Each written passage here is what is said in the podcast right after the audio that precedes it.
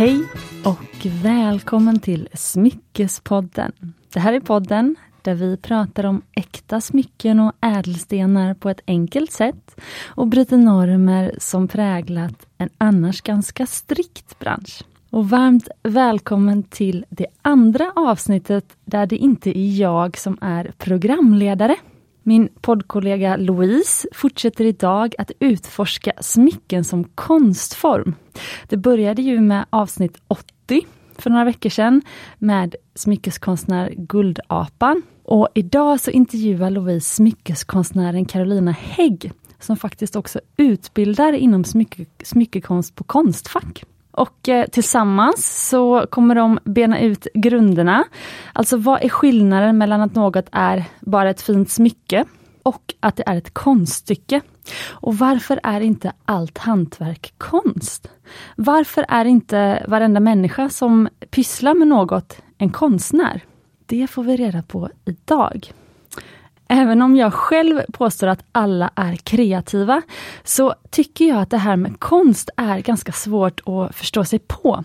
Och jag älskade själv att lyssna på det här avsnittet med Louise och Carolina, för där får jag en mycket bättre förståelse för just kanske varför allt inte ändå räknas som konst.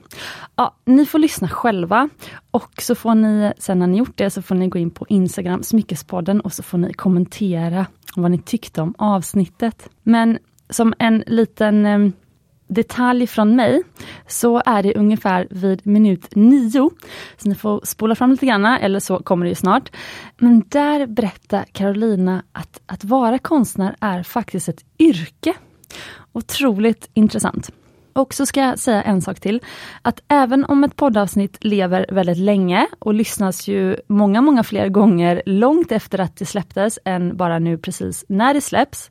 Så vill jag inte säga att om du lyssnar på det här när det har släppts eller ungefär en vecka efteråt så finns det en utställning på Galleri Sebastian Skylt i Stockholm som pågår fram till 26 november. Det är faktiskt eh, Galleri Sebastian Skylts jubileumsutställning. Och där kan du se Carolinas verk tillsammans med ett gäng andra konstnärer. Så fram till lördag 26 november eh, 2022 ska jag säga, om du lyssnar på det här efter 2022. Men då kan du alltså direkt nu efter att ha lyssnat faktiskt gå och kika lite på Carolinas verk. Så tips tips! Men nu så låter jag Louise ta över och njut och häng med!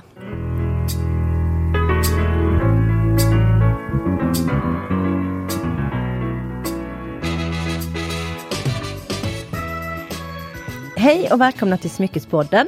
Trogna lyssnare känner kanske igen min röst. Jag, har, jag heter Louise Mikasson och jag har älskat smycken sedan jag var barn. Och jag gästar ju podden lite då och då och sen har jag ju också fått för, förmånen att få hålla egna avsnitt. Och det här blir ju då mitt andra. Jag gillar också att skriva och har faktiskt skrivit för eh, branschtidningen Tid och smycken och kommer också publicera min första text på smyckesportalen Aurum Forum här i november.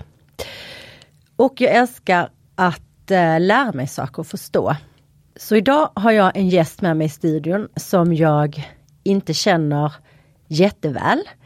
Även om jag nästan alltid känner mig besläktad med andra smyckesälskare eh, direkt. Men som jag beundrar för sin konstnärliga begåvning och pedagogiska förmåga att förklara svåra saker och krångliga saker och roliga saker. För idag ska vi prata om smyckekonst. Vad är smyckekonst? Vad är det som skiljer smyckekonst från traditionella smycken? Kan man säga att en ring till exempel med ett annorlunda motiv, är det smyckekonst? Så hur skiljer sig smyckekonst från de smyckena vi köper hos guldsmeder idag? Det här skulle jag vilja, det här ämnet har jag nu på senare tid försökt tränga in i och jag har väl, eh, ja men jag känner att jag börjar, det börjar klarna lite och jag skulle ju såklart vilja att ni poddlyssnare också kan få ta del av, av detta. Så välkommen till podden smyckekonstnär Carolina Hägg. Tack så jättemycket och tack för ett fint intro. tack själv. Eh, du och jag känner inte varandra jätteväl, men vi har lärt känna varandra lite grann. Mm. under den, den här hösten egentligen. För det började med att jag kontaktade dig för att jag eh, tyckte du gjorde väldigt fina saker. Och sen förstod jag också att du är lärare, adjunkt som det så fint heter. Precis. Ja, mm. på Konstfack. Och då tänkte jag att om, om man kan lära ut någonting så måste man väl, så är man nog sagt ganska bra på att förklara. Ja, jag ska göra mitt bästa. så, jag, så vi har fikat. Mm. Och jag har varit på utställning där mm. du har ställt ut, mm. där du har verkligen tagit dig tid och berätta eh, och beskriva. Din partner ska säga, Simon gjorde också det på den här utställningen eh, på Platina. Mm. Så vi känner varandra lite grann, inte jättemycket. Men jag tycker det är jättekul att du är här. Vem är du? Ehm, ja, jag heter Carolina Hägg och eh, om jag börjar från början då så är jag uppvuxen i Småland. Och eh, jag har väl haft liksom ett intresse för metall som material länge och min far är plåtslagare så det har väl varit liksom att metallen i sig har funnits närvarande alltid så den har aldrig känts svår eller krånglig. Men jag vill inte jobba med metall på det viset alls som han gör utan jag var intresserad av smycken och jag är väl som du att jag alltid har älskat smycken. Och hade en idé om att smycken är, ja men jag tänkte liksom traditionellt kring smycken och att det var det jag ville göra. Um, så fick jag ett tips om att söka en folkhögskola efter jag hade gått ut gymnasiet och då var det Stenebyskolan. De hade metallformgivningsutbildning. Och eh, där kände jag att jag hade landat rätt för att det var det var ju också en konstnärlig utbildning när man liksom fick tänka vidare, inte bara liksom klassiska tekniker och formgivning utan även eh, vad kan ett smycke vara och vad kan ett smycke bli? Så då fortsatte jag på Konstfack, gick både kandidat och master där och sen, sen jag slutade mastern 2013 så har jag varit verksam eh, smycke och korpuskonstnär.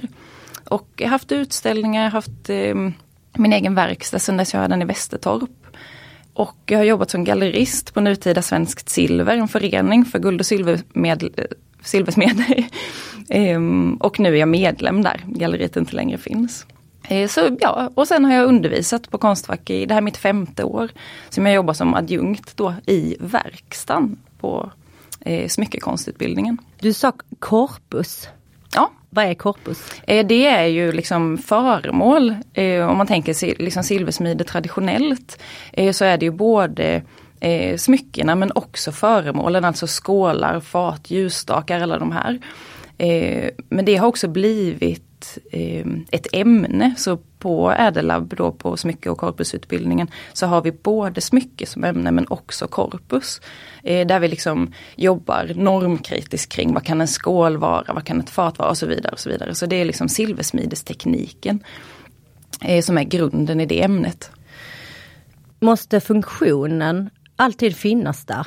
Om det ska vara ett fat eller en skål? Nej det är, ju, det är ju det kanske då som, som vi jobbar med att försöka vara liksom ute i gränslandet så att ibland kanske föremålen inte har någon funktion överhuvudtaget längre. Och i de verken som jag själv gör, eh, där är alltid eh, funktionen väldigt liten. Och sen, eh, jag jobbar liksom med en balans mellan så funktion och dekor kan man säga. Eh, så ja, nej, Ja, därför att du är ju representerad på Nationalmuseum. Mm. Och eh, Nationalmuseum är ju ett Nationalmuseum är Sveriges konst och designmuseum. Mm. Det är också en statlig myndighet. Mm vars uppgift är att främja konsten. Mm.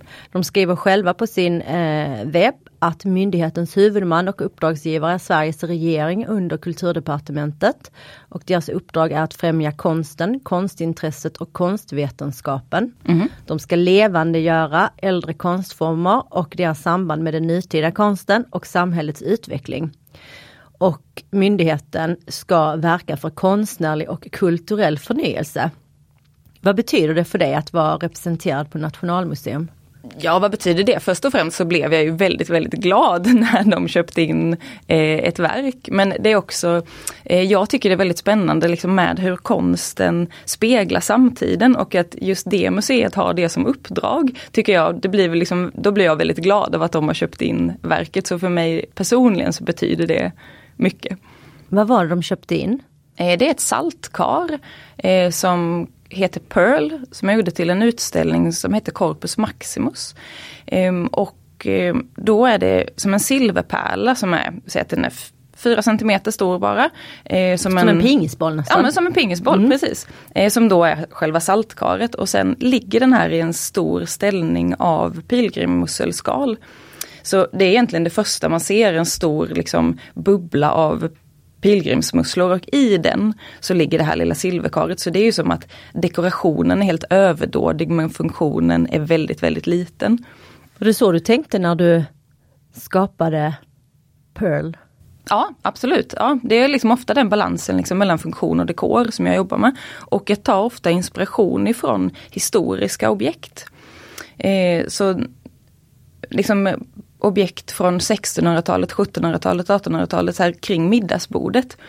Eh, och där var det ofta så att dekoren i sig var väldigt eh, eh, ja, men överdådig och skulle liksom symbolisera kanske status eller rikedom. Men att själva funktionen med det här liksom jätteobjektet kanske bara var ett så här gaffelställ. Och att det blir, det blir liksom lite absurt. När du säger dekor, mm, mm. menar mm. du utsmycknad? Ja det skulle man kunna säga. Ja. ja. Mm. Men om man inte kan, kan eller ska definiera vad konst är, blir det inte lite som att det blir allt och inget då? Eh, jo, men eh, det skulle man kunna tänka. Men det är också ett yrke att vara konstnär. Eh, så att vem som helst kanske inte gör bra konst. Nej, för att då undrar jag om jag kan jag, om jag går en, en helig kurs i keramik mm. och gör ett eh, keramikäpple Mm. Kan jag kalla det ett konstverk?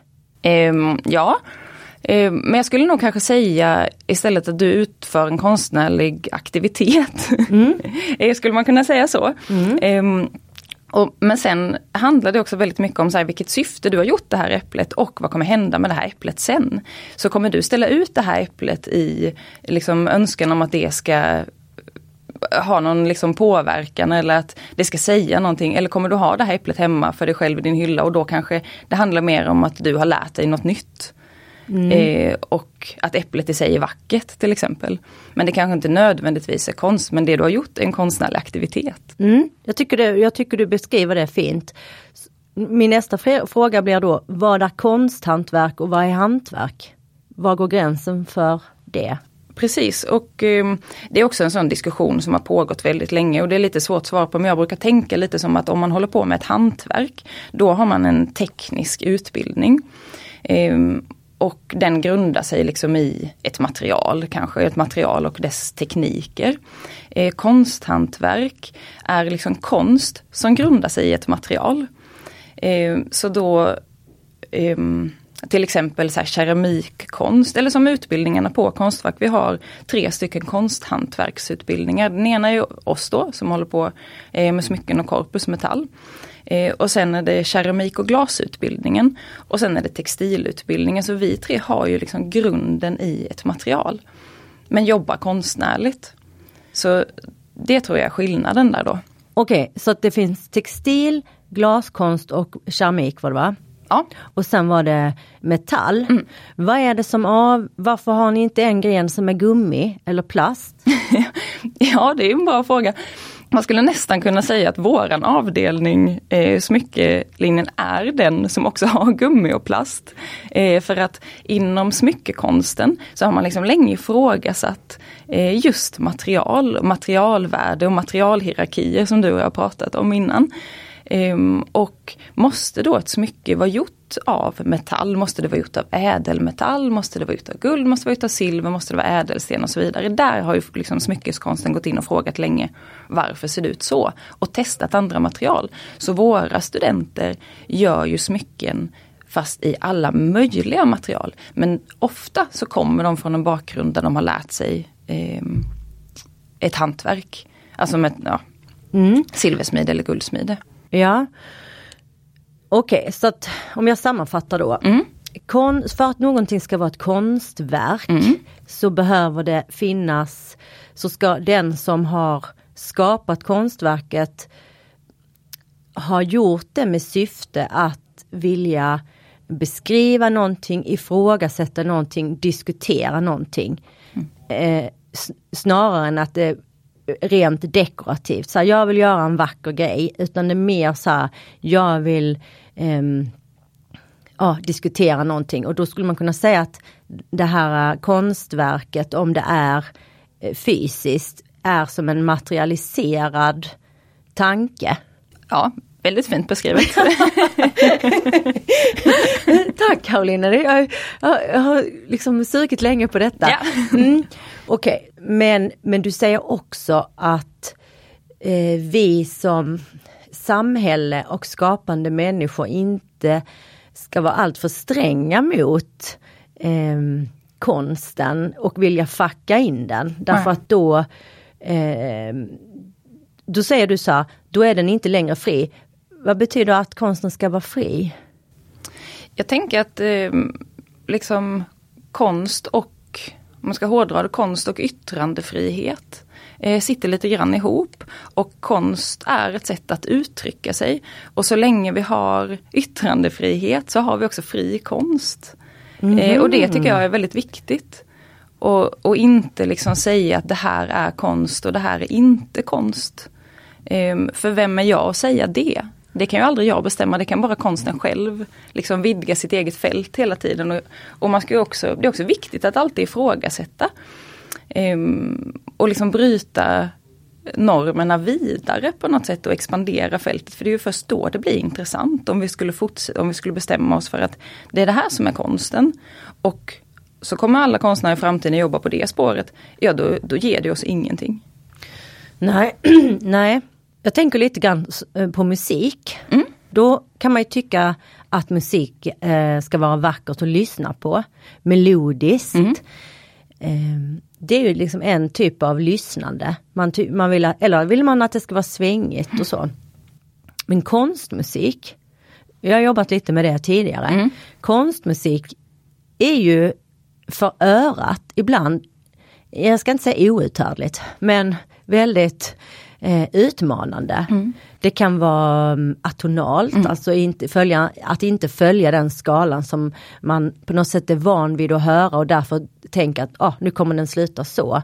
Vilket gör att hjärnan och öronen och hela en själv blir lite eh, satt ur balans. Men de som håller på med konstmusik menar ju att det är ju ett sätt att bryta ny mark. För vi, vi kan fortfarande älska Mozart. Men utan att någon hade liksom gjort någonting annat än vad Mozart gjorde så hade vi liksom inte haft den variationen av musik som vi har idag. Exakt. Och sen tänker jag också lite grann på eh, litteratur. Eh, Att skriva för byrålådan. Det är många människor som skriver, jag gör ju också det och skriver ju också på en roman. Då har jag förstått, utan att någon egentligen har sagt det till mig, att de texterna som jag producerar hemma på min kammare, det är inte litteratur förrän det har på något sätt eh, fått kliva in, i, eller förrän det har tagits in i den mer etablerade eh, litteraturvärlden. Så den, min text måste först eh, komma i händerna på en förläggare. Och sen måste den liksom arbetas med utifrån vissa principer. Och sen ska den helst publiceras. Och därefter är det en bok. Så att jag har ju då fått lära mig att eh, de här orden som jag har skrivit i mitt dokument, det, det är inte en bok. Det är ett manus. Det är en text. Okej, ja. Det blir en bok, det blir litteratur. Förhopp Sen är det också så, alla böcker, om man ska hårdra det, så tror jag inte att, att man tycker att alla böcker som kommer ut är litteratur. Utan det nästa steg då. Då ska det vara någonting, ungefär det du beskriver som eh, det ska vara liksom en ny take på någonting. Eller ett nytt perspektiv eller ett nytt sätt att beskriva gamla grejer. Då kan det möjligtvis bli litteratur. För litteratur räknas ju till en av konstformerna. Precis, ja. Ehm, jag vet inte vad jag ska svara på det riktigt. Eh, för på ett sätt så kan jag tänka så här när du pratar om det att ja, men det du har skrivit inte skulle vara litteratur. Så tänker jag vad snävt. Eh, att det du skriver inte får vara det. Men det kanske är definitionen av det, jag vet inte. Eh, just när det handlar om, om litteraturen. Ehm, men så länge det ligger där i din låda så, så kanske det inte påverkar någon annan. Och, så det är väl först när din text blir verksam då som, som den kan göra någon skillnad. Så, Exakt, Ja. och när den möter sin läsare. ja. Mm. Och för att du och jag har ju också pratat, eh, när vi har haft våra förberedande Mm. samtal som jag kallar dem, för att hitta in i det här tillsammans. Så pratar du också om att ställa ut Mm. när någonting ska visas, att det där sker någonting, Mm. där sker någon slags övergång från det ena till det andra. Precis och det är ju liksom första, då, som jag, eftersom jag själv jobbar med utställningar så blir det ju också det första tillfället eh, när mina verk får testa sina vingar. Liksom, om de här idéerna jag haft kring detta funkar. Och om det är så att jag med mitt verk försöker skapa en diskussion eller eh, vill liksom peka på någonting speciellt. Och göra det i ett utställningssammanhang. Det är först i de samtalen med gästerna som kommer till utställningen eller besökarna där jag liksom förstår, funkar det här eller inte? Ehm, så där blir ju verket liksom levande i nästa steg. Mm. För att just nu så eh, deltar du ju på en utställning på Galleri Sebastian Schilt Mm. som varar till den eh, 26 november. Ja. Jag fick en liten folder när jag var där och eh, eh, besökte utställningen. Och du medverkar med ett verk, eller är det två? Nej, det är ett verk. är ett verk ja. ja. Beskriv det för eh, lyssnarna. Mm. eh, Verket är en ljusstake. Men själva delen som är en ljusstake på det här verket är väldigt liksom liten och dekoren väldigt, väldigt stor så som vi pratade om i början. Så eh, det som den, det är en ehm, gjuten silverfot. På denna silverfoten så är det ett strutsägg. Och strutsägget är ur, hur säger man, urholkat, ihåligt. Och eh, sen är det gjutna växtdelar i silver som går eh, genom ägget. Så rötterna ser man på insidan och växtdelarna, det som är ovan jord, ser man ovan ägget. Eh, och så bakom den här liksom, äggformationen, där är liksom en liten pinne som går bak och där sitter en liten ljushållare. Så det är ju mycket dekor, väldigt lite funktion. För när jag såg den eh, ljusstaken, Mm. dels så tycker jag den är väldigt vacker. Också väldigt speciell och lite konstig. Mm. Eh, för jag tänkte, men hur har du gjort det här? eh, Och, och jag antar att det är det som är kanske bra defini någon slags eh, definition då, att, att det väcker väldigt mycket tankar. Dels väcker det mycket tankar om hur har du gjort? Mm, mm. Eh, det här eh, strutsägget. Ett, var har du fått tag i det? Två, hur har du liksom lyckats göra? För att det är ett, ett hål på framsidan, ett litet runt hål så att man ser de här rötterna. Det är som att man kan kika in. Och då börjar jag tänka på det, hur har hon liksom fått upp det där hålet utan att ägget har gått sönder? Eh, och sen började jag tänka på själva funktionen. För de här små växtdelarna, de känns som att de är farligt nära lågan. Eh, För det här ljuset som var satt i ljusstaken på utställningen hade varit tänt. Och då tänkte jag, vad händer när ljuset brinner ner där och lågan, kommer den smälta eller färga eller på något sätt påverka de här växtdelarna? Så att eh, ja, du har lite Jag har lite att förklara. Ja. ja. Eh, ska vi se, vi börjar från början då eh, med ägget. Eh, och var jag har fått det ifrån, det har jag köpt på en marknad. Eh, det är en strutsfarmare i Dalsland som sålde ägg som de hade målat påskmotiv på, kycklingar och sånt. Men de hade också några få ägg som inte var några motiv på. Då. naturella. Naturella, exakt. Så jag fick köpa ett sånt. Och eh, hålet då som man kan kika in i ägget, det eh, har jag fräst ut och äggskalet är ganska tjockt. Det är kanske 3 mm tjockt.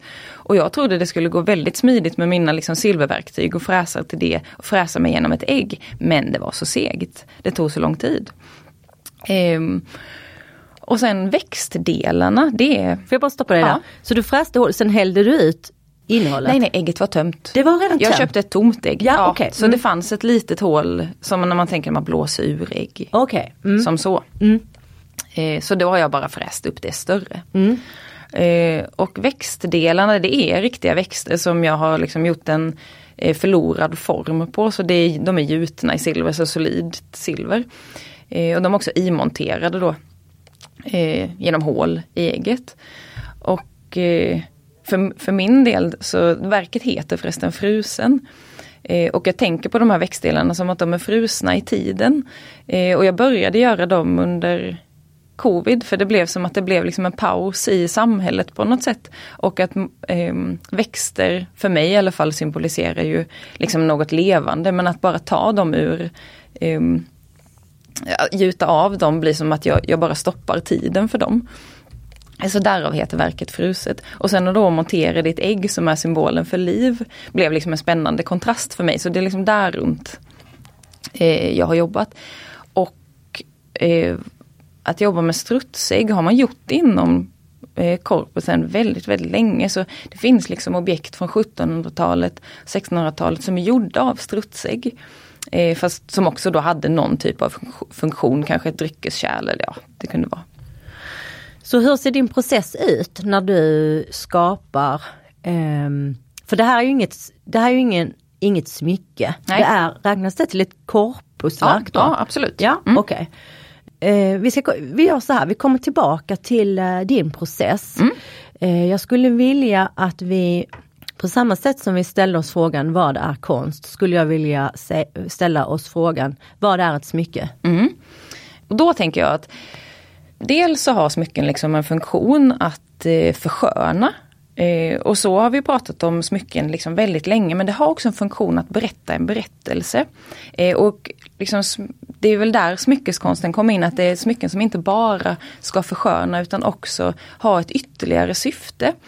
Eh, kanske jag formulerade det i lite omvänd ordning men eh, liksom smycken har också genom alla tider burit på eh, olika typer av berättelser och budskap. Så det är inte någonting nytt som smyckeskonsten gör idag, att berätta en berättelse. Men det, det, är, det, det är det man jobbar kring. Liksom.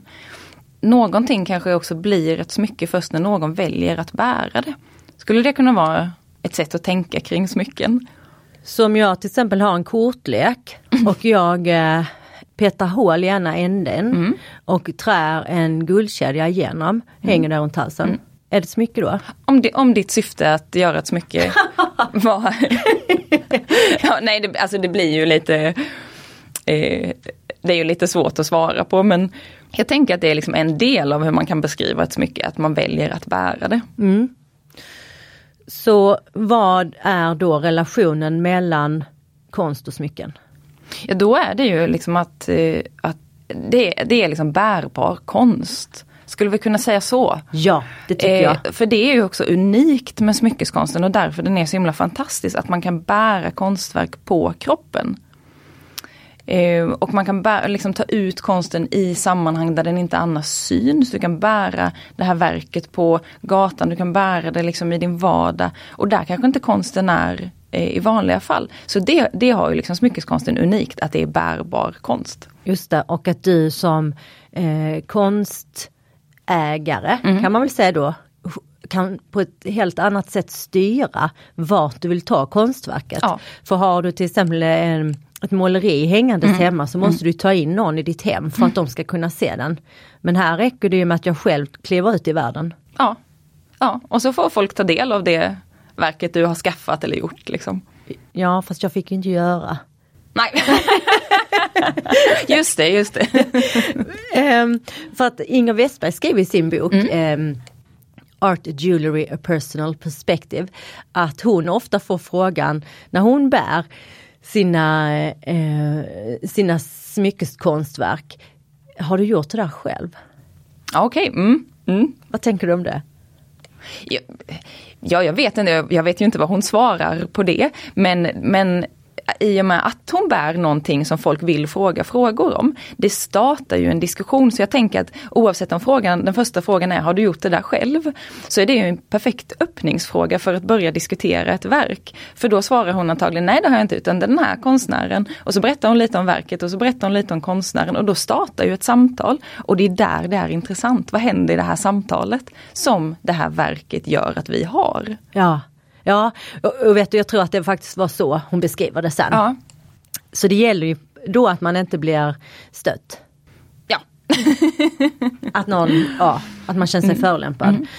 Eh, och anledningen tänker jag till att man frågar det är att eh, smyckekonst ofta, nu kommer vi tillbaka mm. till det då, ofta eh, ofta säger jag med frågetecken Mm. efter skapas i andra material än guld och silver och platina. Mm. Alltså det kan vara papper eller gummi Mm. eller och så. Och, och för en eh, ovan smyckeskonst betraktare så kanske det är en kopplingen mellan eh, eh, det som hon har, att det skulle vara ett smycke. Den är kanske, Mm. det är kanske det som föranleder frågan. Ja, ja men precis. Och eh, jag tänker också att om man inte är in, så insatt i smyckeskonst eller har varit och kollat på så mycket olika smyckeskonst så, så tänker jag att man också har bilden av eh, smyckeskonsten att det är liksom väldigt mycket så här tokiga material, tokiga former, det är stora halssmycken som knappt går att bära. Det är liksom ofta bilden folk har av hur smyckeskonsten ser ut. Men eh, du och jag har ju tillsammans tittat på ganska många olika exempel där vi liksom är på en skala från väldigt nära det traditionella guldsmidet och sen liksom långt iväg till när någonting kanske snarare är en rumslig installation. Så, så vi, liksom smyckeskonsten har ju ett långt spann av olika typer av eh, verk, och, eller vad ska vi säga? Eh, ja du förstår vad jag menar. Uttryck. Ja. Mm. Ja för nu gjorde du med händerna så här, du, så- det var som att du drog ett snöre. Ja. Och det tycker jag är ju en, en eh, enkel och bra bild för om vi ska placera in olika smycken på den skalan. Vad menar du är det absolut mest traditionella? Om vi har, nu har jag med min vänsterhand här ute i, utanför bordet. ja. Eh, Det här är liksom det traditionella smycket, vad är sinnebilden för det? Min, min sån bild är liksom enstensringen, en guldring med en, ja men typ en diamant. Om vi säger att det är liksom, det, det tar alla som ett smycke, ingen skulle ifrågasätta det. Nej. Vad tycker du själv om enstensringen? Bara slänga in den frågan. Fantastisk. Gör det? ja, jo men det är klart jag gör. Men, men jag kan ju också tycka då att om, om vi bara tittar på den ringen som en, eh, en guldring med en sten och en klofattning. Ja men den, då tänker jag inte längre på den utan då tänker jag det är en guldring med, med en sten i. Eh, men om det däremot finns någon twist till den, då gör ju det att, att jag börjar fundera kring varför så här. Eh, så att det där helt klassiska kanske inte gör att min hjärna börjar arbeta så mycket utan jag bara accepterar det som ett vackert smycke. Eh, men ett, ett, ett sånt exempel, liksom om, om vi kollar på en ring som är ganska nära det traditionella men där det ändå händer någonting som jag tycker är spännande, är ehm, verk av en smyckeskonstnär som är från Estland som heter Julia Maria Kunnarp. Och hon eh, slipar sten, hon slipar sten själv. Och Ädelstenar talar vi om nu. Precis, ja. Mm. Och så infattar hon dem i ringar. Men stenen i sig är väldigt speciellt slipad så eh, halva stenen brukar vara eh, traditionellt slipad med liksom facetter och så. Men halva stenen slipar hon, jag läste att hon beskriver det som fri form. Men att du tänker att halva stenen har runnit iväg. Så den är liksom mer en droppe som hänger ner ifrån ringen. Och då tycker jag att liksom, att göra en sån sten i en då enstensring, då blir ju plötsligt det smycket väldigt, väldigt spännande.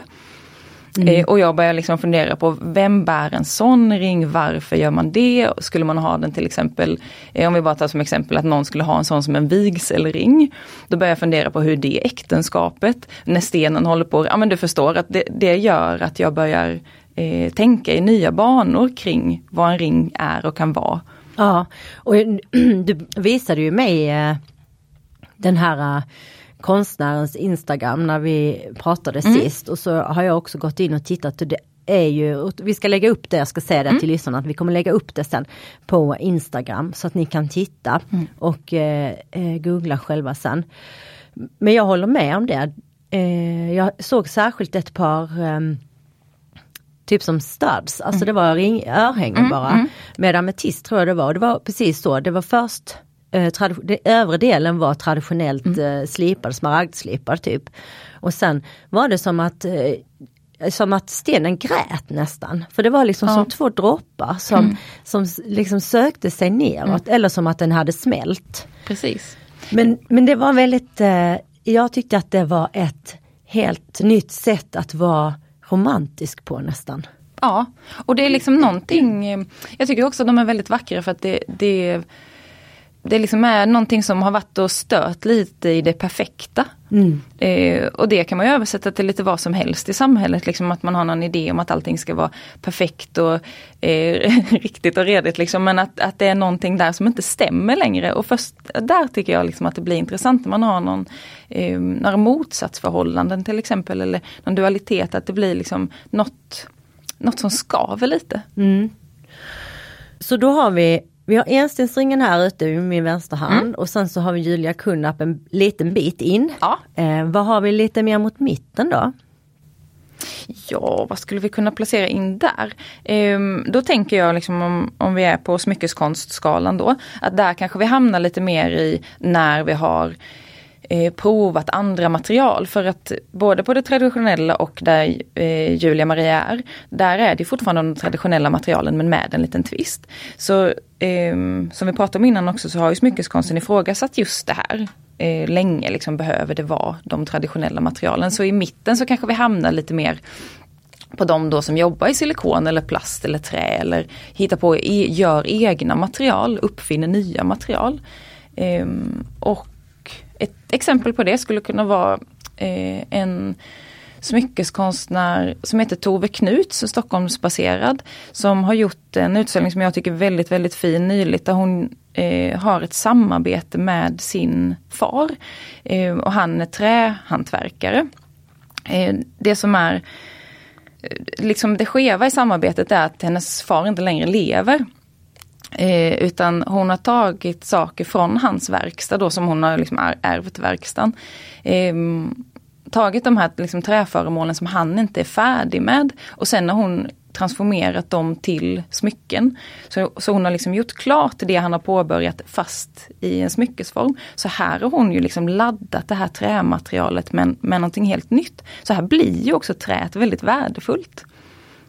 Så eh, här kanske hon hamnar lite grann då i mitten. Mm. Och då gjorde hon det utan att veta vad pappan egentligen Alltså hon, ehm, det var inte så han hade tänkt. Nej, nej det var det ju inte. Tror jag inte. Nej, nej. han var inte någon smyckeskonstnär.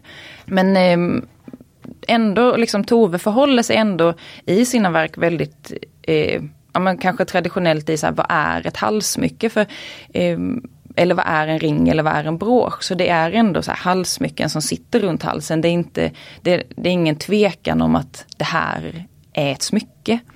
Men däremot är det ju andra material och andra tankar kanske än det traditionella. Så jag skulle placera henne på mitten då. Mm. Bra. Så rör vi oss ännu lite mer åt ja. eh, mm. andra delen, mm. halvan då, mm. av spektrat. Precis. Och eh, där har ju vi pratat om en smyckeskonstnär som heter Lisa Walker. Som jag kanske tänker då, hon, hon liksom jobbar med alla möjliga olika material, alla möjliga olika uttryck. Eh, det är liksom som collage av vad som helst som kan sitta ihop och bli ett smycke. Men nu när jag tänker på det så är hon samtidigt ganska traditionell liksom i just det här vi pratade om nyss, eh, ett halssmycke eller en, en brosch eller en ring. Så formerna är fortfarande, eh, halssmycken gör hon mycket, men de är tänkta att bära på kroppen.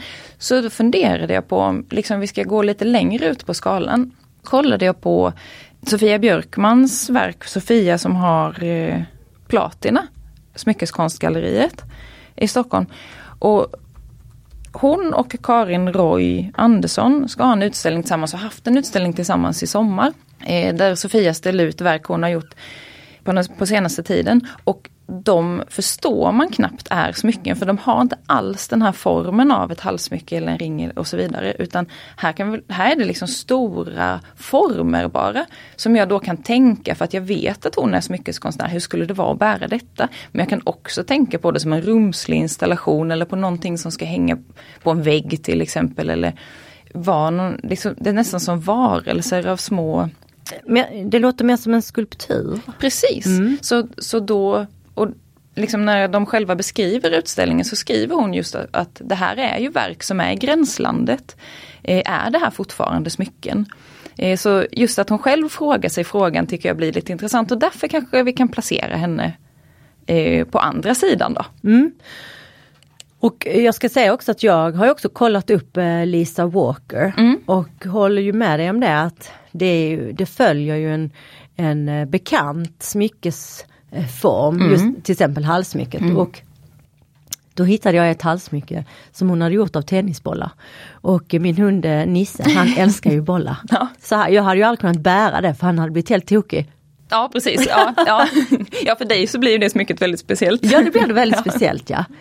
Och då, och då blir det ju så här att jag börjar fundera på om Lisa Walker också har haft en, en bolltokig hund. Ja just det. Eller ja. hur kom det sig att hon gjorde det? Mm. Eller har hon ett sportintresse som mm. hon vill eh, liksom diskutera mm. med det här?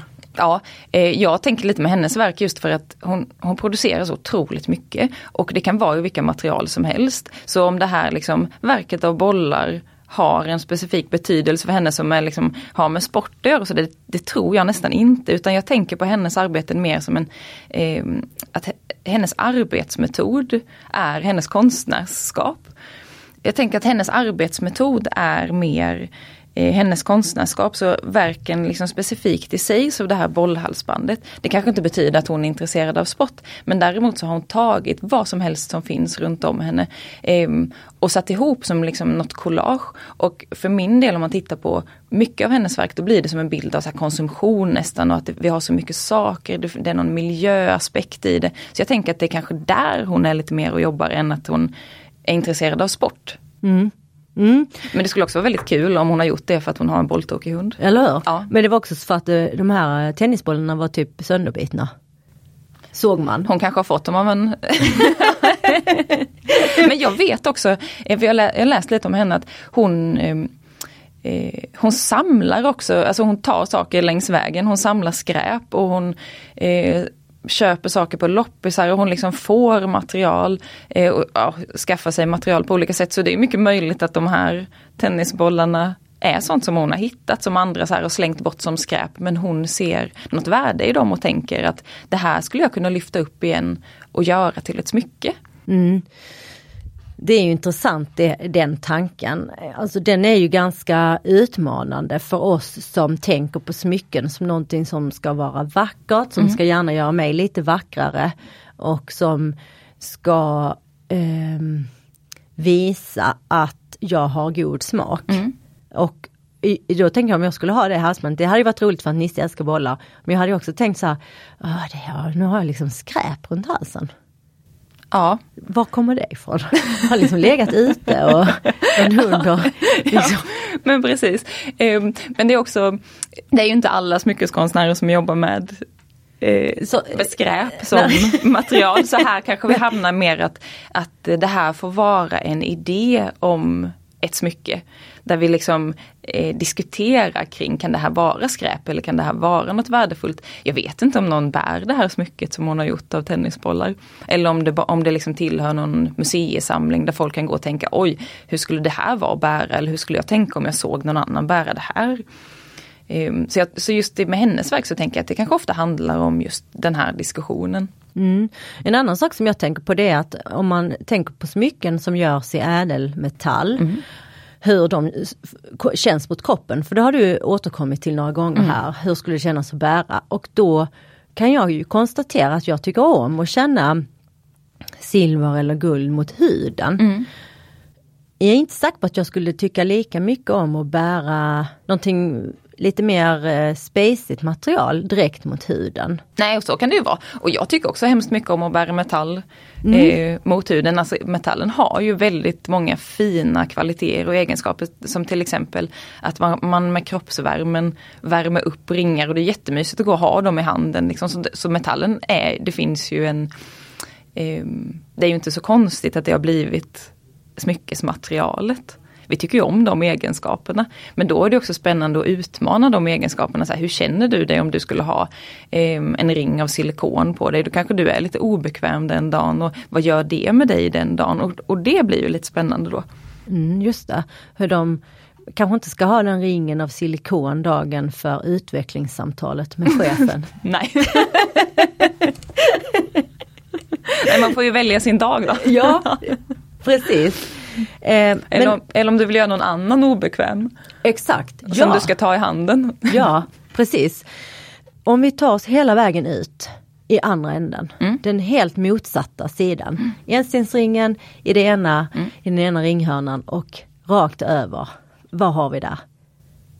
Ja där placerade jag ju Sofias ja, Hela vägen verk. ut? Ja, ja. fast, fast eh, då tänker jag, nej det är inte hela vägen ut. Nej. Eh, för att eh, om vi tänker liksom på diskussionerna som jag har, eller vi har med studenterna på skolan, de är ju liksom, de är ju förbi där också så att till och med jag börjar tänka så här, men nu är inte det här smycken längre. Ehm, men jag tycker det blir lite spännande för att de ska inte heller hålla med mig. Studenternas roll är ju att också ifrågasätta eh, mig och min föreställning om vad smycken är. Så de kan ju göra så här rumsliga installationer där man med sin kropp går in i ett rum och upplever någonting. Och börjar tänka kring, kan det här vara ett smycke? Om nu smycken är någonting som gör att jag ska uppleva något. Så skapar jag då en upplevelse på ett annat sätt, är det också ett smycke? Och där tycker ju liksom jag som kanske i deras ögon är lite traditionell att nej, nu har vi gått lite långt här. Men där är liksom ändå smyckeskonsten och, och frågar, är det här smycken eller inte? Och sen kan jag nästan se att nu när vi är där ute, liksom längst ut på skalan, då blir det också samtidigt någon pendel tillbaka. Så så funkar utveckling hela tiden. att Vi är ute och nosar i kanterna, sen går vi in till det trygga lite igen och sen måste vi ut i nästa kant och nosa, så går vi in till det trygga. Så så hålls det ju på liksom. Så som bebisar gör när de kan krypa, att de kryper iväg och, och liksom eh, utforska och sen hem till mamma och, och liksom mm. tanka trygghet eller? Exakt och sen ut igen och, och undersöka något annat. Exakt, stoppa något äckligt i munnen. eh, vilka traditionella smycken gillar du? Jag, har ju, jag vet ju bland annat en, ehm, e, e, en sak som jag hoppas att du nämner nu. Ja, eh, jag tycker ju om klackringar. Mm, eh, kanske... Nej, men jag, och, och det är liksom något som jag har börjat tycka om lite på senaste för jag har nog tänkt lite så här med klackringen som eh, lite gubbig kanske. Eller så här, jag har inte riktigt vetat vem har en klackring. Eh, och sen kollar jag mycket på pantbanken, jag kollar mycket på Kaplans. Det är min sån syssla när jag åker hem från jobbet eh, och sitter på tunnelbanan. Då kollar jag så här, vad är det nya som har kommit upp där? Och så när jag liksom tittat där så bara jag fastnar ju på klackringarna. Men då är det ju också att jag vill ju hitta något som inte är just det där den traditionella klackringen. Så hittade jag, det dök bara upp i mitt Instagramflöde, ett japanskt eh, märke som gör klackringar med ädelstenar som är som ett litet ansikte, att det är två ögon och en glad mun. Och jag blir så glad av att se dem. Och där är det också bara så ja de flörtade med mig och jag tycker hemskt mycket om dem. Ja. Och det är ju egentligen en ganska traditionell klackring men med ett annat motiv på mm. än vad det brukar vara. De tycker jag hemskt mycket om. Ja och vet du det delar du ju med min poddkollega Hanna Hellberg. Mm. Hon älskar ju dem mm. och av samma skäl mm. tror jag att de går rakt in i hjärtat ja. och gör henne glad och jag förstår vad hon menar. Mm. För de är de är oerhört charmiga. Ja. Och vissa saker kan ju också bara få vara så enkla att jag blir glad av den här. Ja. Det behöver inte vara om... krångligare än så. Nej, nej. nej, jag tycker inte det. Vi pratade också lite grann eh, när vi eh, liksom researchade ihop om det här med budskap. Mm. Eh, hur man Precis. kan signalera olika saker mm. med smycken. Mm. Exakt. Um, och det kan man också tänka är någonting som smyckeskonsten har hittat på. Eh, att vi ska berätta en historia eller försöka signalera ett budskap genom det vi bär. Men det har vi gjort liksom genom alla tider med smycken. Och förra veckan så var vi med studenterna på Nationalmuseum och där lärde jag mig om ett nytt exempel på ett eh, historiskt smycke som bär eh, på ett budskap. Eh, och var det i en text som Sara Borgegård som jobbar på museet hade skrivit som vi fick läsa innan vi kom dit. Visade hon ett smycke som var eh, från slutet av 1800-talet och det är ett halssmycke som har gröna, gröna och violetta stenar. Så det är väldigt många små ädelstenar på det, så alldeles liksom stenbestrött. Och sen är det små vita pärlor. Och det i sig kan ju se ut som ett smycke som ja, men förvackrar. Jag ska ha det här på mig och det ska försköna. Liksom. Men det dolda budskapet i detta var att under den tiden så var det suffragetternas färger. Ehm, och vilka var suffragetterna? Suffragetterna var en kvinnorörelse eh, som kämpade för kvinnors rättigheter men också för kvinnlig rösträtt i England. Eh, så bar man det här smycket så betydde det att man också sympatiserade med suffragetterna. Och så stod det i den här texten att färgerna eh, grön, vit, violett eh, första bokstaven i dem blir Give Women Vote. Alltså G, Grön, W. W, grön eh, för green. Precis. W white, Ja. som pärlorna då. Eh, och sen V som är violett. Ja, oj det är fint. Det är väldigt fint. Eh, så det är ju liksom ett tidigare exempel då på när ett smycke har en, eh, ett budskap. Och då kan man ju tänka sig liksom på den här tiden att i vissa sammanhang så kanske det här gick helt förbi. Och i vissa sammanhang kanske man var väldigt provocerande genom att bära det här smycket. I vissa sammanhang kanske man kunde känna sig trygg för att man såg andra kvinnor också ha de här färgerna i något smycke. Eh, men sen var det också så att just det här smycket, det är ju någon rik person som har ägt det liksom. Eh, för att det är ju, ja, men ädelsten, mycket liksom arbetats mycket. Men eftersom att det var färgerna som var det viktiga så kunde man ju också eh, ha ett smycke som kanske inte hade kostat så mycket men ändå ha de här färgerna. Man kanske kunde ha gjort det själv till och med eller gjort det till en vän för tillhörigheten. Så att det, det var ju liksom att det bara är färgerna gör ju att det funkar i vilken klass som helst. Eh, och så tittar man då på så här, den här typen av smycken finns ju fortfarande fast kanske i en annan form och ett exempel på det är ju sån här pins. Helt vanliga du vet pins med, det brukar ju vara politiska Nej budskap. till atomkraft. Ja men precis, den kändaste av dem alla. Ja. precis. Ehm, och eh, de använder vi ju fortfarande. Så det är, det är ju också ett sånt liksom att det finns ett budskap men där kanske inte budskapet är dolt som det här suffragett Ja, det är väldigt smycket, utan det är väldigt uttalat. tydligt. Ja. Men pins är typ som en eh, mer politiserad version av en brosch.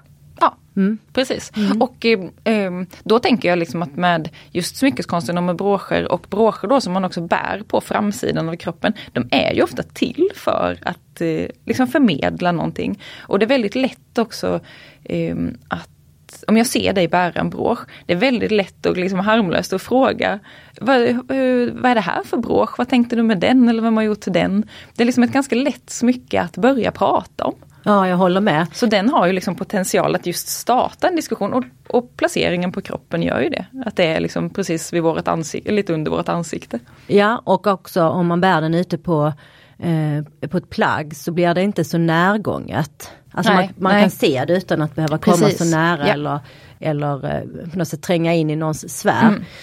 Eh, nej men det är intressant att se det för jag gillar ju broscher och har väl börjat gilla broscher mer med tiden. Eh, och jag har faktiskt upptäckt i morse att min kattbrosch som jag köpte i London för många år sedan och som jag har burit på, eh, på slaget på kappan var borta. Och jag blev så ledsen. Jag tänkte, eh, jag, jag blev nästan paranoid. Jag tänkte någon har stulit den. Ja. Någon har stulit den för den tyckte, de tyckte den var så vacker. Men den har var, verkligen varit en, en eh, samtalsstartare Ja. många gånger. Åh vad är det för film? Oj vilken rolig. Var har du köpt den? Och, och, och den typen av, och sen Ja, gillar du broscher? Och jag ty- kan tycka det är lite svårt men och så. Jag tänker också att det, det är en sån kraft som smycken har. Bara att du berättar nu om att du har blivit väldigt ledsen för att ha blivit av med den. Och den har egentligen bara suttit på din jacka där. Eh, men den har ju varit din och den har varit nära dig och med dig eh, dag ut och dag in med dig och din jacka. Jag har Så inte haft man- den på kudden. Nej, men man skapar ju liksom ett sånt band till smycken också, till föremål. Eh, som blir liksom ett, personligt, en personlig relation nästan.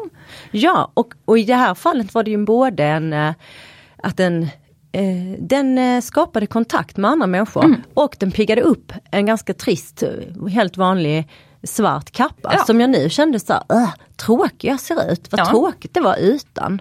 Så nu måste jag ju ersätta den. Och då kanske det blir en smyckeskonstbrosch. Ja, Vem det vet? kanske det blir. Därför att du, det, du har ju arbetat med broscher. Oh, ja. Berätta, varför gillar du broscher och på vilket sätt har du arbetat med broscher?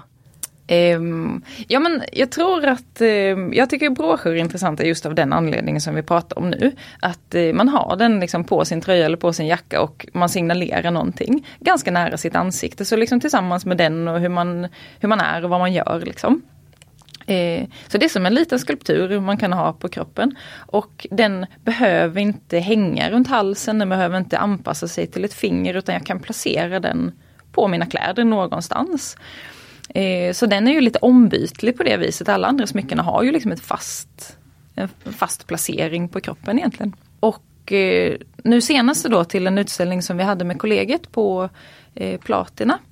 Eh, så gjorde jag broscher som är emaljerade. Det är ehm, hjärtformade broscher, ganska små eller lite olika storlekar med eh, små motiv. Och anledningen till att jag gjort dem är att jag ville lära mig emaljera. Och då finns det en teknik som heter cloison. Som eh, man använder silver eller guldtrådar för att eh, liksom dela upp färgerna i emaljen. Emalj är smält glaspulver. Som man då kan skapa färg på smycken med tekniken gör liksom lite att man behöver ett motiv eftersom att man det, det är nästan som så här paint by numbers. Eh, att man liksom ritar ja. en form eller så, du vet som ja. Som fär, eh, fär, färgläggning. exakt, mm. exakt. Fast jag liksom skapar motiven själv då och mm. sen fyller jag i eh, med emalj. Um, och för mig är de, de är liksom färdiga, färdiga smycken och färdiga verk men men de är liksom en del av en process för mig att lära mig mer om emalj. Så nu börjar jag känna liksom efter två år där jag har övat på den här tekniken att ja, men nu behärskar jag den. Och jag är bekväm med den. Så nu fortsätter det här för mig genom att jag skulle vilja börja skapa mina egna emaljer. Eh, så jobba liksom vidare med själva emaljen och undersöka det som material. Så nu har jag lärt mig tekniken, jag behärskar materialet. Nu vill jag undersöka materialet vidare. Mm. Och broschen berättade du ju för mig att, eh, att det är viktigt att den också är vacker på baksidan. Ja, det tycker jag verkligen. Och eh, det, jag håller en kurs med eh, mina kandidatettor på andra terminen där vi jobbar med just broschbaksidor. För att det finns inte heller någonting man kan bli så besviken på. Om man ser en vacker brosch eller en fin brosch eller någonting som tilltalar mig Ja, så lyfter jag på den, tittar på baksidan och så är det inte ett fint hantverk där. För att, just för att det är en baksida, för man tänker strunt samma, det är bara baksidan. Men det är inte strunt samma. För att någon då som ska använda den här broschen, för för den är det lika viktigt att baksidan och framsidan är, är lika liksom omhändertagen. Kanske man kan säga, det måste inte vara vackert utan bara att det är liksom gjort med omsorg. Ehm, så där är ju hantverket liksom väldigt viktigt. Plus att funktionen som brosch, om man inte har gjort en bra nål eller en bra liksom, mekanism eller funktion, ja då kan man inte ha den som en brosch. Så det är väldigt viktigt. Jag tycker det för tankarna till eh, min städteknik. När jag ja. är väldigt noga hemma mm. med mycket. Mm. Jag, är, jag putsar fönstren, jag dammar, jag torkar, jag eh, ja, men jag putsar eh, mässingsljusstaken och så. Eh, jag och sen kommer jag ibland till en punkt när jag känner så här, nej, så har jag ett skåp så bara trycker jag in saker där. Huller om buller. Ja. Och sen så öppnar min man det skåpet och säger, men hur ser det ut här? Har du bara tryckt in saker här? Mm. Jag tänker att det är lite baksidan av en brosch. Ja, men någon inte... upptäcker ju alltid den till slut. Ja, ja. exakt. Ja. Men man kan ha ju tur en stund att någon inte öppnat skåp. Men det kan ibland vara så att folk, om man har haft gäster mm. och så har jag behövt ta deras skor för att inte Nisse ska skoja med dem. Ja. Och då säger jag, jag tar och ställer dem här i ett skåp. Och sen vill jag ju vara snabb när mm. de ska gå och ta ut deras skor så inte de själva, åh vad är det här du ställer? Och sen så bara mm. tittar de in i mitt inre där, där det är kaos. Ja, ja så tänker man så så skulle ju baksidan kunna symbolisera det där inre kaoset då. Ja. Om man inte gör sin baksida ordentligt. Ja, mm. men då rent konstnärligt skulle det ju också kunna vara ett val. Ja, absolut. Men då ja så att, men det är skillnad på slarv och konstnärliga val. Ja men det, det är också skillnad på om man har, om man har gjort eh, en baksida som ska se lite ruffig ut för att man inte kan göra mm. det bättre. Eller att man har gjort ett medvetet val att jag vill ha en liksom, ruffig baksida för då syns det också. Ja just det. Så en bra, en bra liksom, hantverkare kan ju göra det valet och göra det bra. Ja, ja det Eh, det får mig att fundera på, tror du att människor i största allmänhet kan se skillnad på bra och dålig konst och på slarv och på medvetna val? Ja. Tror du det? Ja, det tror jag. Men det är jag alldeles övertygad om. Är du det? Ja. Fastän man inte... Nej men jag tänker att det, det, det märker man om, man om du ser ett, ett föremål oavsett om vi tänker om det är konst eller inte men om det, om det är en bra designer så är det, blir det ju liksom ett tilltalande objekt eller ett intressant objekt om någon har jobbat med en bra form till exempel. Så kanske om man är, ja, om man är intresserad. Då. Ja, ja det kanske förutsätter det. Ja. Ja. Vilka material skulle du vilja se smyckeskonstverk tillverkade i eller skapade i? Eh, ja, jag tror jag tycker det är liksom intressant med saker när man inte helt förstår vad det är för material. För det är också en sån sak som gör att man Börja, att hjärnan börjar jobba lite. Så jag vet inte om jag har något specifikt önskematerial så åh jag önskar att, att någon smyckeskonstnär började jobba med Inälvor. Ja, nej men precis. Eh, det, så någon sån eh, önskan har jag inte men däremot så tycker jag det är väldigt spännande om någon liksom omarbetar ett material så pass att man kanske inte kan se dess ursprung. Och så kan det få överraska med att säga, jaha, det här är glasfiber, jag trodde att det var betong. Eller något, att det blir liksom, då kan man fundera varför har den gjort det här och inte bara jobba, men, eh, så, så material som får min hjärna att fundera lite extra. Mm. Finns det något smyckeskonstverk som du har stött på under din, eh, under din karriär som du önskar att du själv hade skapat? Jag känner så jätteofta. Eh, men in, alltså, fast det handlar nog mer om att jag ser andra som gör saker och så gör de saker bra och då blir jag väldigt inspirerad att själv göra bra saker. Eh, och jag kan bli liksom inspirerad av att bara se andra människor jobba, se andra människor behandla material, se dem vara duktiga på sitt hantverk. Eh, och att det liksom gör, mig, gör att jag vill jobba vidare och bli bättre. Eh, så jag, jag tycker att som, man kan bli väldigt inspirerad av andra. Och det blir jag hela tiden varje dag och speciellt av studenterna. Ehm, men inte så, inte så där kanske att jag känner åh det där ska jag också göra eller det där önskar jag att jag hade gjort. Men, men däremot eh, arbetslusten mm. känner jag att jag blir inspirerad av hos andra.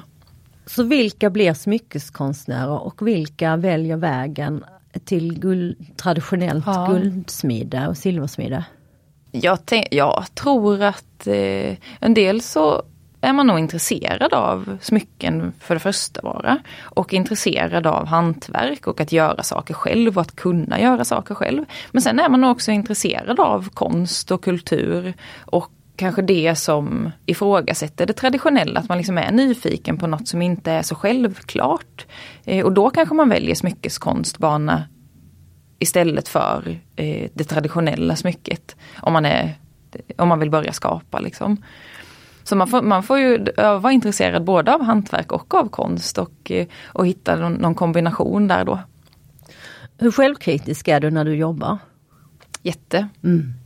Alltså ja, det, och det tror jag har mycket med eh, utbildning att göra för att under tiden som jag utbildade mig då var det liksom väldigt, man skulle ifrågasätta mycket och vi diskuterade ju allting, alla val man gjorde och så vidare och det gör vi ju med studenterna nu också men det gör ju också att, att man, ja, det är väldigt svårt att släppa detta.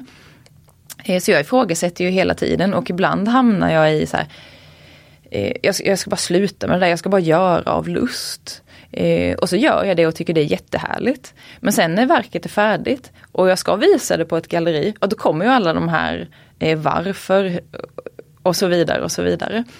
Eh, så absolut att jag är självkritisk och eh, jag är lite, lite perfektionistisk också. Och det behöver inte liksom betyda perfektionistisk i hantverket eller någonting sånt utan eh, jag är perfektionistisk i att nå den bilden jag har i huvudet av vad det är jag vill skapa. Att liksom balansen i föremålet ska vara rätt, att det ska eh, vara liksom något, någonting som jag tycker är intressant. Och det är kanske där jag är självkritisk nu för tiden. För eh, när du sa så här, ja ibland så tänker jag att jag bara ska göra saker av lust. Menar du då att, att skapa utifrån lust är att förenkla eller att göra det lite enkelt, enkelt för dig eller? För det lät nästan som att det var någonting som du egentligen inte vill, vill bara. Men jag, jag tror också när man, har, när man har konsten som yrke, eh, då, då blir det ju ett jobb som alla andra jobb men, men ibland så måste jag påminna mig själv om varför jag valde det här från första början och det är ju för att jag är intresserad av, av konsthantverk och av att skapa. Men när man har någonting som yrke då är man ju liksom i ett sammanhang och i en bubbla av andra liksom verksamma och, ja, och så vidare. Men och, och ibland få göra sig fri från det och bara så här, se vad mina händer skapar. Det kan kännas fritt ibland och liksom få um, få bort allt det där och bara, och bara göra. Men sen måste man ju också tänka då, sen när jag bara har gjort då, om man nu kan vara så fri, det vet jag inte. Så måste jag ju ändå backa tillbaka sen och se, vad var det det blev? Mm. Så då, då kommer ju liksom yrkesrollen in där igen. Ja, så det går ju inte att separera då egentligen? Nej. Nej. Okej, vi ska strax avrunda Karolina. Jag är jätteglad att du ville komma, vill jag säga. Och vi ska ha lite kontakt efteråt också så att jag eh, kan välja ut och eh, välja ut lite bra bilder till mm. poddlyssnarna. Eh, man kan ju följa dig på Instagram. Mm. Vad heter du där? Där heter jag studio understreck Carolina och så Carolina med K. Mm. Och om man vill titta på någonting, eh, ställer du ibland ut på andra ställen än i Stockholm eller är det mest i Stockholm? Eh, det blir ganska mycket i Stockholm med att jag är med i föreningen Nutida Svenskt Silver och vi gör mycket utställningar i Stockholm, många som är medlemmar där är Stockholmsbaserade. Men vi gör utställningar liksom runt om i landet också. Mm. Eh, så det är lite olika. Mm. Mm. Eh, och eh, vad gör du om tio år? Oh, vad gör jag om tio år? Då kanske jag eh, liksom har alltid haft någon sån här liten dröm om att ha så en butik, ett galleri, eh, ateljé, liksom allting i kombination. Eh, men jag vet inte om jag ska göra det på riktigt eller om jag ska låta det vara lite dröm. Jag tycker också det är hemskt roligt att undervisa och det har jag några år kvar att göra. Ja, det kan man väl nog tänka sig att du har, för du, hur gammal är du? Får jag fråga det? 36. Ja, du har ju en lång lång karriär framför dig. Ja. Så att en butik kan ju absolut rymmas, en galleributiksateljé. Precis, mm. allt i ett. Ja, perfekt. Eh, och innan vi avslutar så skulle jag också vilja tacka dig för att eh, jag har fått komma hit och eh, för ditt för att du är så himla intresserad och nyfiken och har så himla öppet sinne och ta in liksom all information du hör. Jag tycker det har varit så fantastiskt att ha samtal med dig och bara lyssna på alla dina frågor. Oh, jag blir jätteglad när du säger det. För jag har ju många gånger tänkt nu, undrar om man kan ställa den här frågan, bara mm. hon inte blir, tar illa upp. Eller, för jag menar ju inte någonting illa men jag känner att jag vill, eh, efter, jag måste, jag söker liksom förståelse. Ja. Så att eh, jag tycker det har varit väldigt kul att prata med dig och eh, jag hade väl också kanske en fantasi eller en fördom om att eh, smyckekonstvärlden var ganska sluten och lite svårgenomtränglig. Mm, mm. Eh, ganska intern. Men eh, jag tycker det har kommit eh, på skam de eh, fördomarna och de... Så att om man är som jag då väldigt mycket nybörjare i smyckekonstvärlden var tycker du man ska börja? Om vi ska ge ett tips till lyssnarna. Eh, ja men då tycker jag man ska vända sig till de två smyckeskonstgallerierna som vi har i Sverige som ändå jobbar med liksom, att visa smyckeskonst. Och då är det Galleri 4 i Göteborg. Och sen är det Platina här i Stockholm. Och där kan man ju liksom gå och titta i deras skåp och lådor och se allting vi har pratat om på den här skalan. Så det är liksom som närmar sig det traditionella, det som närmar sig det väldigt otraditionella. Då. Eh, så där kan man ju liksom börja lära sig. Och så ska vi nämna Klimt. Ja, det ska vi göra som är en eh, hemsida, Klimt02. Och eh, det är en hemsida som samlar allting som har med smyckeskonst att göra världen över. Så det finns smyckeskonstnärer, man kan se arbeten de har gjort, alla kommande utställningar, alla tidigare utställningar, alla publikationer, alla böcker som har skrivits. Eh, så där kan man också gå in och bara kolla runt, se vad man hittar. Tror du att det finns ett smyckeskonstverk för alla? Så som det finns ett smycke eller en smyckesstil för alla? Ja det måste det göra. Det, fin det finns så mycket smyckekonst. Ja. Så det måste göra det. Ja, Ja, vad, vad, vad bra, men då tycker jag att vi, då tycker jag att det får vara eh, de sista orden i det här eh, väldigt mm. roliga samtal. Tack! Tack så mycket! Tack för att ni har lyssnat och kom ihåg, ni är värda äkta smycken och äkta smyckeskonst. Ja. Hej då!